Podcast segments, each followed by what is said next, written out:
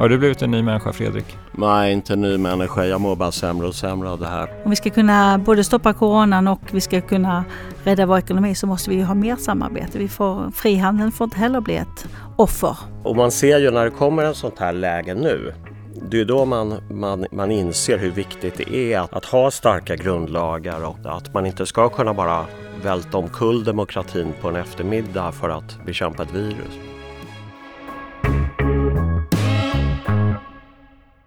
Ja, välkomna till Frihet från förtryck, en podd om demokratiaktivism. Idag ska vi prata om coronapandemins politiska konsekvenser. Eh, och då har jag bra gäster för att diskutera det här. Det är Fredrik Malm, riksdagsledamot för Liberalerna och utrikespolitisk talesperson. Eh, och Åsa Nilsson Söderström som är handläggare för politiska och civila rättigheter på SILK. Eh, jag heter Martin Engeby och jag är chef för SILK. SILK är alltså Svenskt internationellt liberalt centrum, en biståndsstiftelse kopplad till Liberalerna. Eh, första frågan. Eh, var kommer den största skadan ske egentligen? I folkhälsan, i ekonomin eller i demokratin? Fredrik? Ja, i alla tre skulle jag säga. Det, är ju, det blir ju en enorm belastning på sjukvården till att börja med. Ehm, det finns ju också risker att när man ska hantera en sån här pandemi så trängs annan vård undan så en massa människor eh, ja, dör i, på grund av bristande sjukvård eh, och så vidare. Mödravård till exempel, dålig sanitet och sånt här. Ekonomin blir ett dråpslag givetvis för hela världen. Eh, men extra mycket från fattigaste länderna som inte har några buffertar egentligen. När alla remitteringar försvinner i stort sett, alltså när människor skickar hem pengar till sina anhöriga och sådär. Och direktinvesteringarna försvinner när företagen inte vågar investera i riskfyllda miljöer och så. Men sen har vi det politiska och det är ju, skulle jag säga, långsiktigt eh, kanske det svåraste. Därför att demokrati kan liksom inte återhämta sig lika snabbt som ekonomin kan göra efter en kris nödvändigtvis utan man kan få se väldigt långtgående konsekvenser av undantagslagar och olika typer av begränsningar i fri och rättigheter som, som kommer ligga kvar ganska länge efter den här pandemin, tror jag i alla fall. Jag befarar det. Och det vi ser är ju att eh, demokratin har backat eh, i mer än tio år. Men nu med pandemin så blir det som en eh, trend på speed för det går så himla snabbt. Land efter land så stängs det ner och människor förvägras liksom de mest grundläggande civila och politiska rättigheterna. Jag tror den första april så var hälften av jordens befolkning i total lockdown. Det hade vi ju inte kunnat tänka oss för ett tag sedan. Ja, vilket är det värsta exemplet som du har sett på, på att man nu liksom flyttar fram, diktaturerna flyttar fram sina positioner? Ja, det, det, värsta egentligen är att det sker på så många ställen och så skarpt och, och samtidigt. Men Filippinerna är till exempel ett, ett exempel som brukar tas fram, att man har infört eh, undantagslagar som gäller i sex månader. Man eh, skämmer ut folk, små barn som har liksom eh, brutit mot utegångsförbudet dras omkring i kärror och blir bespottade. Vad, vad är det för samhälle? Man ber man säger till och med att man kan skjuta dem som trotsar utegångsförbudet. Det men var det ju... presidenten själv som sa det. Jo men han har ju varit ute tidigare och mm. vevat mot knarklangare va? och sagt att man ska skjuta av dem och nu nu vill han skjuta av människor som inte följer de här covid-19 restriktionerna ja. då. Eh, jo, han är ju lite crazy. Duterte heter han va? Mm, president ja. Duterte. Men, men jag tror också det som det du beskriver Åsa, är, det, det intressanta här är ju att vi har ju också gjort inskränkningar i Sverige, till exempel att man inte får vara mer än 50, 50 personer på möten och sånt. Men då är det ju underförstått att det är någonting som man sen ska rulla tillbaka när den här krisen är över.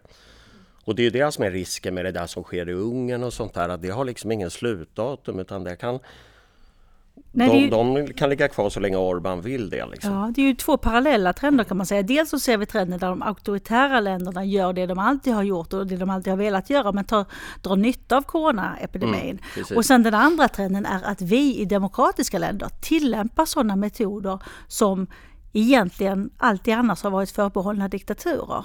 Och det är den stora utmaningen att se till att de eh, inskränkningarna i friheter och gå, tas tillbaka. Och det vet vi inte hur och på vilket sätt det kommer att ske. Mm, det blev mycket debatt när den svenska regeringen ville öka sin handlingsfrihet. Eh, var det en befogad debatt? Fanns det risker för att den svenska demokratin var på väg att sättas ur spel? Jag skulle inte säga att det finns en sån risk, men Eh, men jag tycker att det är väldigt viktigt att man inte ger regeringen befogenheter som regeringen inte behöver. Eh, alltså det, det, finns ju en poäng i att vi har en riksdag som stiftar lag och att vi inte låter regeringen stifta lagarna själva. Ehm, och, och, så. Jag tycker väl att den lagstiftning vi har nu är rimlig därför att om inte rekommendationer räcker så kommer man att behöva kanske beslut om hårdare restriktioner. Men jag tänkte på en annan sak också när det gäller just diktaturer och auktoritära stater. Det är ju att de använder corona, tycks det också, för att öka desinformation och, och fake news och sånt där. Det verkar som att Ryssland till exempel har ett intresse av att att utvecklingen mot 5G-nät till exempel i Europa, USA och Kina, att den saktar av därför att det ligger inte i Rysslands intresse att EU, USA och Kina får 5G-nät före Ryssland får det. Och Ryssland har inte kapacitet att utveckla det här själva. Så nu verkar det spridas massa grejer från ryskt håll om att det här corona kommer av 5G-nät och sånt. Eh, det, det är en typisk sån här grej när destruktiva ledare håller på att försöka hitta på massa konstigheter för att sprida och skapa osäkerhet och polarisering och elda på konstiga ovetenskapliga teorier och sånt där. Ja, fake news är en del av det och sen så det är också eh, den tredje trenden jag tycker man kan se är det här med eh, kampen om narrativet. Who's the good guy? När vi som demokratier misslyckas med att stötta varandra, när, när EU misslyckas att stötta Italien när de möter sin värsta stund någonsin, ja men då dyker ju Kina lämpligt upp med lite läkare, med lite respiratorer, med handsprit och försöker framstå som the good guy. Och likadant så det man ser i väldigt många diktaturer är ju att man, det första man gör är att förneka helt enkelt viruset. Man förnekar att det finns, man förnekar att det har spridit sig. Eh, general Sissi i Egypten hävdar att nej men vi äter så mycket vitlök och dricker apelsinjuice att det sprids nog inte så mycket här utan vi har väldigt låga siffror. Samma sak i Kambodja, samma sak i Kina där man ju hävdar att 2500 personer dog ungefär i Wuhan. Det är helt orimligt ja, det, att tro att det, det är sant. Det verkar som att de landar lite olika de här gaphalsarna och, och, och populisterna. För att Trump han gick väldigt soft på det här medan Demokraterna varit lite tuffare och även han i Brasilien eh, som vill skövla regnskogen. Bolsonaro. Bolsonaro. Ja. ja. han var också menat att det där är inget farligt liksom. Och sen ja. har du andra ledare som är och då var ändå eh, halva hans stab smittad. Men det var ändå inget farligt tyckte han. Ja, så nej, han gick nej. ut och kramade folk lite grann. Nej, precis. Men det är, svårt, det är svårt, det jag menar är att det är svårt att göra någon sån här vänster-höger liksom eh, analys av det här med, med, med, med coronan. Liksom. För i Sverige verkar det vara folk längre till höger, de verkar vara mer arga på den här Tegnell. Mm. Men, men i USA är det snarare de som står längre till vänster som vill ha tuffare ja, åtgärder. Och så var det i, om... i Storbritannien också, ja. man var arga på Boris Johnson. Ja, man tyckte han var slapp till en början ja. och så fick han det själv sen. Men det handlar väl mycket om vem som sitter vid makten, tänker jag. Den som sitter... Jo, det är nog så. Ja. Det är nog så. Men, och det är ju inte säkert att att diktaturer eller alltså just nu så lyfts ju Kina fram till exempel av WHO som att man har, har lyckats så himla bra med bekämpningen men det, det tycker jag är fake news. När man liksom börjar med att förneka att det finns, man eh, väntar flera veckor innan man stänger ner och så vidare. Och när man väl stänger ner så gör man det på ett eh, sätt som inte alls eh, respekterar människoliv. Nej, men man såg ju det där också på eh, när det var eh, 9-11 när, när hela världens blickar liksom riktades mot, mot um, USA då, då kunde ju flera länder i världen trycka, liksom, genomföra massarresteringar och sånt där för att det var ingen som uppmärksammade det då. Och samma sak när USA gick in i Irak 2003 i mars var väl det. Då grep man ju hela demokratirörelsens ledning på Kuba till exempel. Det är som i tv-serien Vita huset, man hade Bring out the trash day. När det är en tillräckligt stor nyhet någon annanstans, då så tar vi ut allt, alla de dåliga nyheterna. Då gör vi allt det som vi inte vill att någon ska märka. Wag the Dog var en annan, där han startade fik men, fiktivt men krig mot Albanien. Inga krig har startats eh, väl den här gången, men, men man har, det jag tror i Europa så har vi väl sett några av de egentligen mest drastiska konsekvenserna, eller de drastiska ingreppen i Ungern och i, i Polen och framförallt Ungern. Um, nu har, alltså att man, man, i stort sett, man, man har avskaffat demokratin på obestämd tid i, mm. i Europa. Och även där är det ju här att man har sett en trend ganska länge. Det har blivit ja. mer och mer inskränkt i, i, i Ungern. Och nu så helt plötsligt fick Orbán chansen och nu är han diktator på riktigt. Europas första, inte Europas utan EUs första diktatur. det där är också en klassiker hur de använder för Orban använder ju då själv den här frågan om fake news och desinformation. För att och så, och så anklagar han då sina kritiker för att ägna sig åt fake news. Och med den här nya lagen som han har så kan han väl i praktiken egenhändigt, egenmäktigt stänga ner en tidningsredaktion till exempel. Och det där är ju, vi har ju i Sverige en, vi ska ju vara glada över det tycker jag, att vi har en väldigt, väldigt stark tryckfrihetslagstiftning i Sverige. Och det gör att även under ja, till exempel andra världskriget när vi hade kommunister i Sverige som var eh, lojala med Stalin. Inte ens då stängde man tidningar. Man, man hade distributionsförbud, att de fick inte distribueras. Det är en form av förbud, men tidningarna förbjöds aldrig och politiska partier har aldrig förbjudits i Sverige på det sättet. Eh, och man ser ju när det kommer en sånt här läge nu, det är då man, man, man inser hur viktigt det är att ha att ha starka grundlagar och, och att, att man inte ska kunna bara välta omkull demokratin på en eftermiddag för att bekämpa ett virus. Mm. Och det, jag tycker att det just därför var det också bra att det blev en diskussion kring när svenska regeringen vill utöka sina befogenheter och att, att parlamentet fortfarande har en, en rätt att gå in och ändra. Det, mm. det är jättebra. Ja, för att även om inte risken för statskupp är överhängande just nu så man måste vara redo, man måste ha många murar och, och, som skydd helt enkelt. Det finns en annan, en annan konsekvens för demokratin tror jag med, med viruset och det är ju att efter, när den här pandemin liksom har besegrats, hur lång tid det nu tar, men då, då kommer man ju ha kraftigt ökade arbetslöshetssiffror, mycket stor, ja, en högre arbetslöshet, en större utslagning, mer fattigdom och så vidare.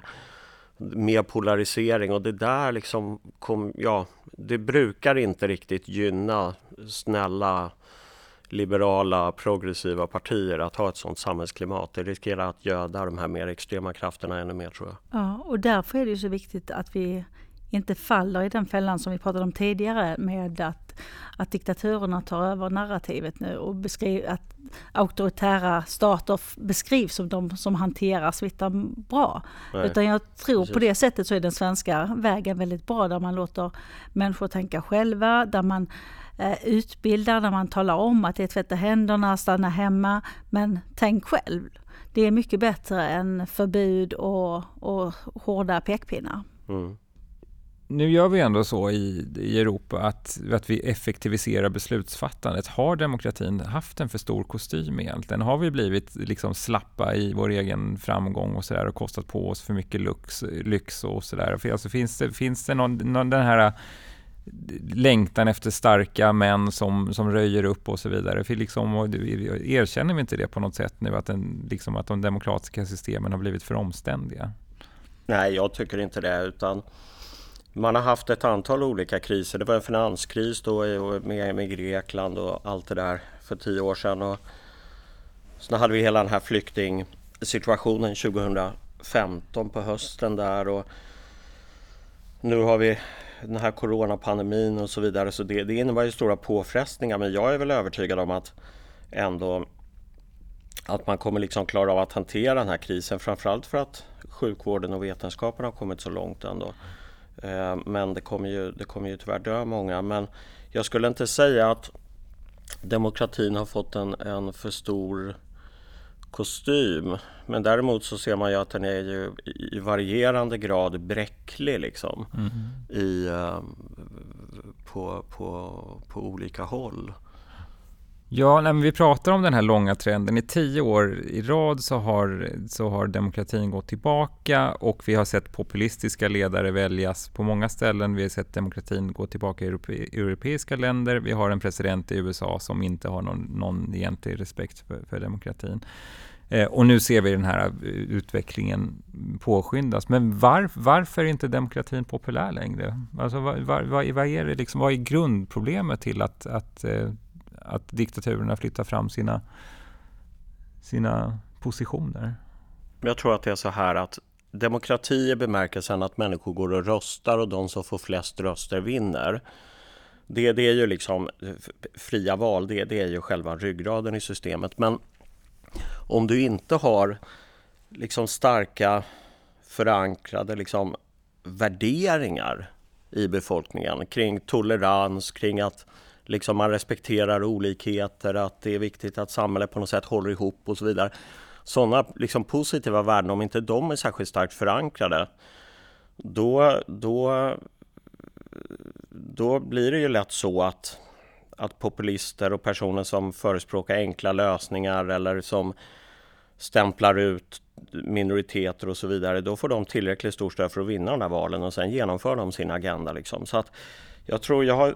Men då har, ja. då har värderingarna eroderat först då, innan ja, jag, institutionerna på något sätt? Ja, jag skulle, jag skulle säga problemet om vi tar Mellanöstern till exempel, som jag har följt väldigt mycket i mitt politiska arbete. Ta, problemet i Mellanösternregionen är nödvändigtvis inte att man att, att ja, jag menar ta Irak exempelvis. Irak har haft massor med val. De har haft hur många val som helst sedan Saddam Husseins fall.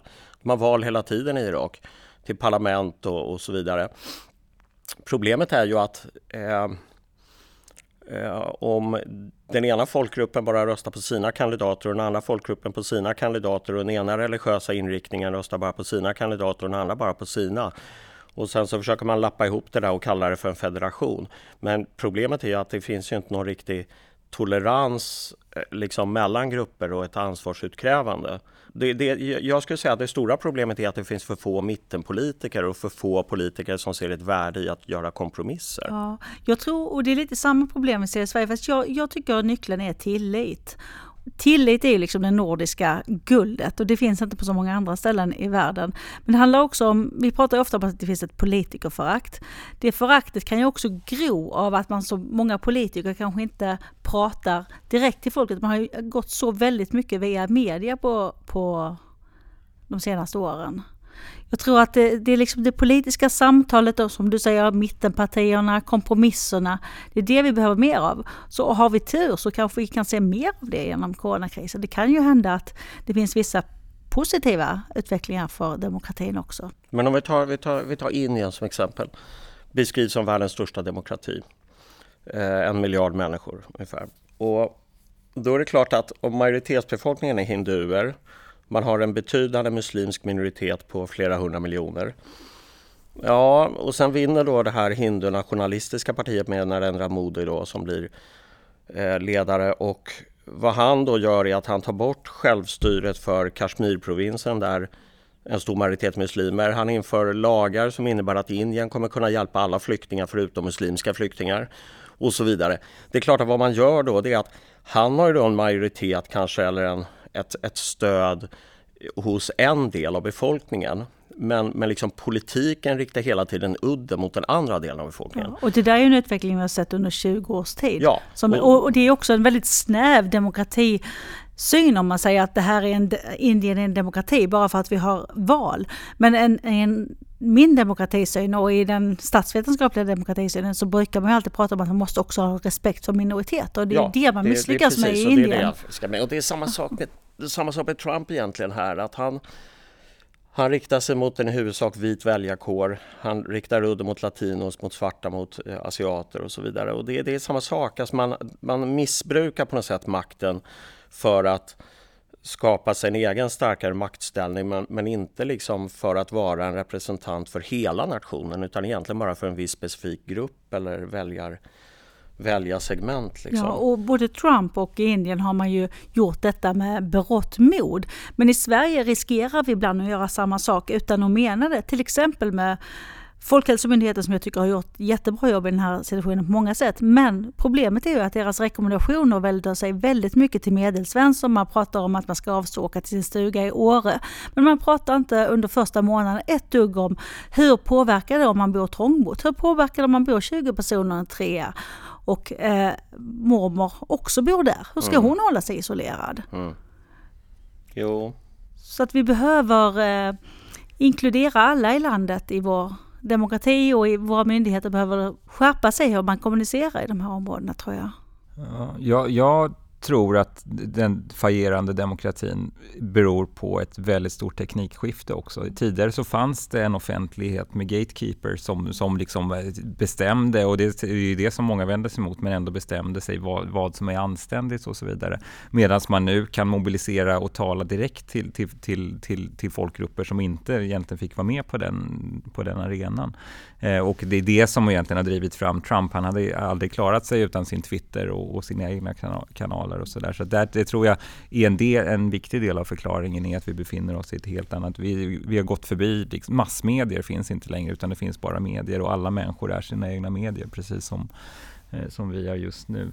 Jo, och det är på många sätt positivt. Men, men jag tror det, det är ganska intressant att San Francisco är väl liksom the Bay Area i San Francisco är en av världens mest liberala miljöer. Enormt dynamiskt och, och, och, så vidare. Och där finns ju Facebook och Google och alla de aktörerna liksom. Och de har ju byggt de här enormt kraftfulla tekniska plattformarna och så vidare som sen har på olika sätt kunnat missbrukas av auktoritära ledare och, och med big data och så vidare. Vi såg det i Brexit och och, och, och så vidare. Så det, jag, jag, tror att de här väldigt, väldigt liberala teknikföretagen de har haft ett väldigt snävt teknikfokus. Det är liksom tech, tech, tech och hamra kod och bygga de här otroligt kraftfulla verktygen som är kommersiellt väldigt starka också, Facebook inte minst. Men man har inte riktigt sett att de mindre liberala krafterna i världen kan utnyttja de här plattformarna. Och det ser man ju, jag menar Ja, och då, nu säger de att de ska ta mer ansvar, de ska börja rensa bort eh, hat och näthat och sånt där och rasism i större grad och så. Men jag tycker att de inte riktigt har tagit det ansvaret faktiskt. Eh, jag tycker att det är ett, ett, ett, ett, problem. Sen så har, har de det där oskicket att hålla på och lägga sig platt för diktatur ibland och acceptera liksom att ta bort vissa grejer bara för att olika länder kräver det och så vidare. Att de liksom ändrar de där algoritmerna och då begränsar de yttrandefriheten för människor i Kina eller i Turkiet eller på andra håll. Att de inte kan söka fram all information heller. Och Kina till exempel är ju så superduktiga på att utnyttja den här tekniken både till övervakning eh, men också liksom till att föra ut sina propagandafilmer. Det finns, finns ju en film till exempel där Xi Jinping besöker Wuhan. Och man ser hur folk bara applåderar i alla fönster. Men det finns ju också foton då från eh, mer oberoende media där eh, man berättar om att varje familj som bodde där han eh, gick förbi, mm. där hade man satt två stycken säkerhetspoliser i familjens vardagsrum också, så att de skulle applådera. Ja, men sen nu kommer vi stå här om, om, om det kommer ta tre månader, eller sex, eller nio eller tolv, så kommer vi stå i en värld i ekonomiska ruiner. Vi kommer, ja, hälsokatastrofen kommer vara över.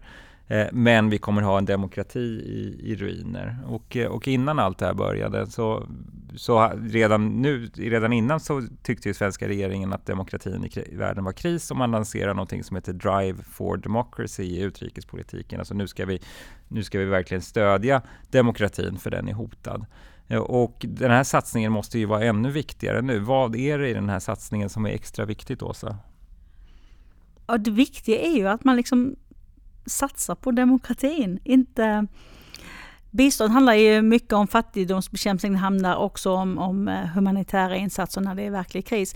Men om vi ska få en långsiktigt positiv utveckling i världen så behöver vi demokrati. Vi behöver eh, oberoende journalister, vi behöver politiska partier som kan kompromissa och, driva, och göra bra saker för sitt land. Eh, det är det som faktiskt eh, gör världen bättre. När människor i sitt eget land tar ansvar och bygger ett land tillsammans. Mm. Men har vi inte haft det demokratifokuset redan i svensk Nej, vi har ju i svensk biståndspolitik haft ett väldigt stort fokus på fattigdomsbekämpning. Och det är bra i sig, men eh, jag menar att demokrati är också ett sätt att bekämpa fattigdom. Ja, det är ju det att väldigt mycket av det här med biståndsinsatser och sånt där nu, det, det ska ju då styras mot att för att man ska uppnå de här så kallade Agenda 2030 målen. Och de är ju på många sätt väldigt bra. Det är olika att man ska få utbildning och hälsa och allt sånt där.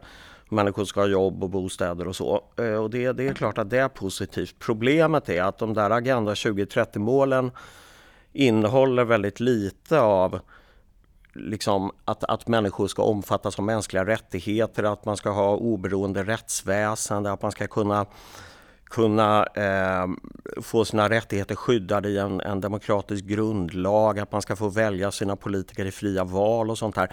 Det där är, finns liksom inte i de där 2030 målen och jag tror att det finns en risk här framöver att det kommer bli just väldigt mycket fokus på de här ekonomiska variablerna i och med att ekonomin kommer vara så svag. Och så, och så kommer man försöka hitta lösningarna i form av IMF och Världsbanken, olika typer av stora lån och så vidare. Och då finns det också risken att de här frågan om demokrati och mänskliga rättigheter liksom återigen hamnar i skymundan. Och jag tror att för ett parti som till exempel Liberalerna då som är väldigt inriktade just mot, mot de här liksom grundläggande frågorna om liksom mänskliga fri och rättigheter och sånt i utrikespolitiken så är det väldigt viktigt att bevaka det här nu. För att annars kommer allt bistånd till slut handla om, om eh, företagsstöd och, och, och, stora budgetstöd till regimer som ändå är rätt så korrupta liksom, och inte, inte får ut så mycket effektivitet av våra, av våra pengar. Liksom. Men sen tror jag för svensk del också att nu det, det, det, finns en risk här att det blir mer av vänsterpopulism också. För att efter den här coronakrisen, ja, är det någon som tror före valet 2022 att liksom sossarna och Vänsterpartiet kommer att acceptera att man återinför karensdagen? Liksom? Det, det, har jag svårt att se framför mig. De kommer vara beredda att ta bort en del stöd till privata företag. Men jag tror inte att de kommer vara beredda att och, och, och, och liksom, eh, återställa alla andra olika ekonomiska stöd och sånt. Så risken är att vi får högre skatter och att vi får mer regleringar och, mer bidrag och sånt där. Och det är inte särskilt bra för en ekonomi som den svenska när den ska återhämta sig. Vi behöver snarare liksom reformer för mer entreprenörskap och, och, och, och så vidare. Ja, och ekonomisk frihet är också en frihet. Eh, och när den begränsas så är det också en mänsklig rättighet som begränsas. Jag eh. tror också att vi har anledning att vara oroliga för den framväxande nationalismen. Och det som vi har sett väldigt tydligt att Eh, många länder vänder sig inåt och vi måste rädda våra medborgare. Men om vi verkligen ska om vi ska kunna både stoppa coronan och vi ska kunna rädda vår ekonomi så måste vi ha mer samarbete. Vi får, frihandeln får inte heller bli ett offer på den här vägen. Nej.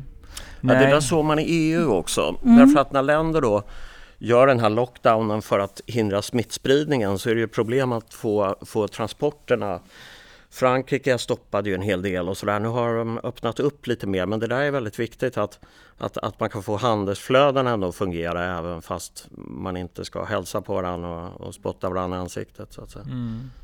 Ja, men det finns ju ingen annan än eh, stats eller regeringschefen som kan hålla tal till nationen på något sätt. Det, menar, nu hörde jag att uh, Ulrika von der Leyen höll ett jättebra tal i Europaparlamentet men det är inte så att det är så många som lyssnar på det. Alltså det vi faller ändå tillbaka rätt mycket i nationell gemenskap när det krisar till och Löfven står framför svenska flaggor, inte något annat. Och Men visst är det skrämmande att det går så snabbt? Vi har ändå haft ja. EU i så många år och vi har byggt upp en ekonomi som är helt Eh, global och, ja. och så faller det så lätt. Ja. Hur? Ja. Nej. Jo, så, så är det ju. Jag har ju aldrig röstat på sossarna och jag är inte sosse och sådär.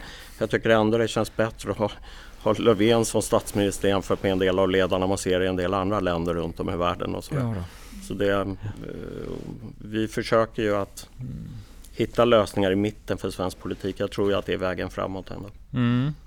Eh, som avslut, vilka personliga insikter har du fått? Åsa, du är också lokalpolitiker och, eller, och människa. Vilka personliga insikter har du fått av att vara en del i en pandemisk kris? Ja, alltså det här är ju totalt eh, opolitiskt men rent personligen så har jag varit bra för mig att liksom varva ner, eh, stanna upp lite grann, ha lite mer tid att fundera, mm. läsa. Eh. Mm. Har du blivit en ny människa Fredrik? Nej, inte en ny människa. Jag mår bara sämre och sämre av det här. Men, men jag tycker att man värderar de människor som står närmast en mer. Alltså sina föräldrar och syskon och så vidare. Man håller kontakten mer. Man, man, man är ändå rätt oroad. Jag menar, mina föräldrar är över 75 och sitter i en villa ute i Enskede alldeles isolerade. Och jag har inte träffat dem nu på ganska många veckor. Jag åkte dit och skulle lämna några, eller gick dit faktiskt och skulle lämna några grejer. Och så står vi och pratar med varandra liksom på 10 meters avstånd liksom och, och mamma kommer och ställer en kopp kaffe på på, eh, nere på grusgången där och så går jag och tar den och dricker upp den och står man och pratar. Man kan inte ens krama varandra. Liksom. Det är ju surrealistiskt på något sätt. Men det andra jag tycker, det, och det tror jag nog att ganska många ändå reflekterar över, det är ju hur pass viktigt det är för ens egen frihet och oberoende att man faktiskt sparar pengar regelbundet. Jag tror det där är någonting som det var det inte Anne Wibble när hon var finansminister på 90-talet? Hon sa så här, alla borde ha en årslön på banken och hon blev utskrattad och utskälld och vänstern sa att ja, det där är ingen, ingen vanlig arbetare har råd att hålla på och spara undan så mycket pengar och sådär. Och hon framstod som att hon var helt verklighetsfrånvänd. Men faktum är ju att det, det, är nog så. Man, man ska eh, gneta på och lägga undan lite och ha de här buffertarna och det gäller ju även företag. Det är många företag nu som inte har eh, eh som inte riktigt har mindre företag som kanske inte fixar ens kommande hyra, liksom sina lokaler och så vidare. Det, det, mm. mm. Ja, eh, vad jag har lärt mig i den här krisen det är att jag verkligen tycker om att träffa människor och jag är därför väldigt glad att få, få, få prata med er en stund. Tack så hemskt mycket. Du har lyssnat på Frihet från förtryck, en podd om demokratiaktivism och biståndspolitik. Vi är SILK, Svenskt internationellt liberalt centrum och arbetar med demokratibistånd, fria val och utvecklingsdebatt. Den här podden har finansierats av stiftelsen Karl Staffs fond för frisinnade ändamål och av dig som är skattebetalare vars pengar har insamlats av Skatteverket, utdelats av regeringen till Sida, vidare till en organisation som heter Forum Syd som i sin tur tecknat avtal med oss. Följ oss på Facebook, hitta fler avsnitt på www.silk.se podd. Och kom ihåg, utan demokrater blir det ingen demokrati.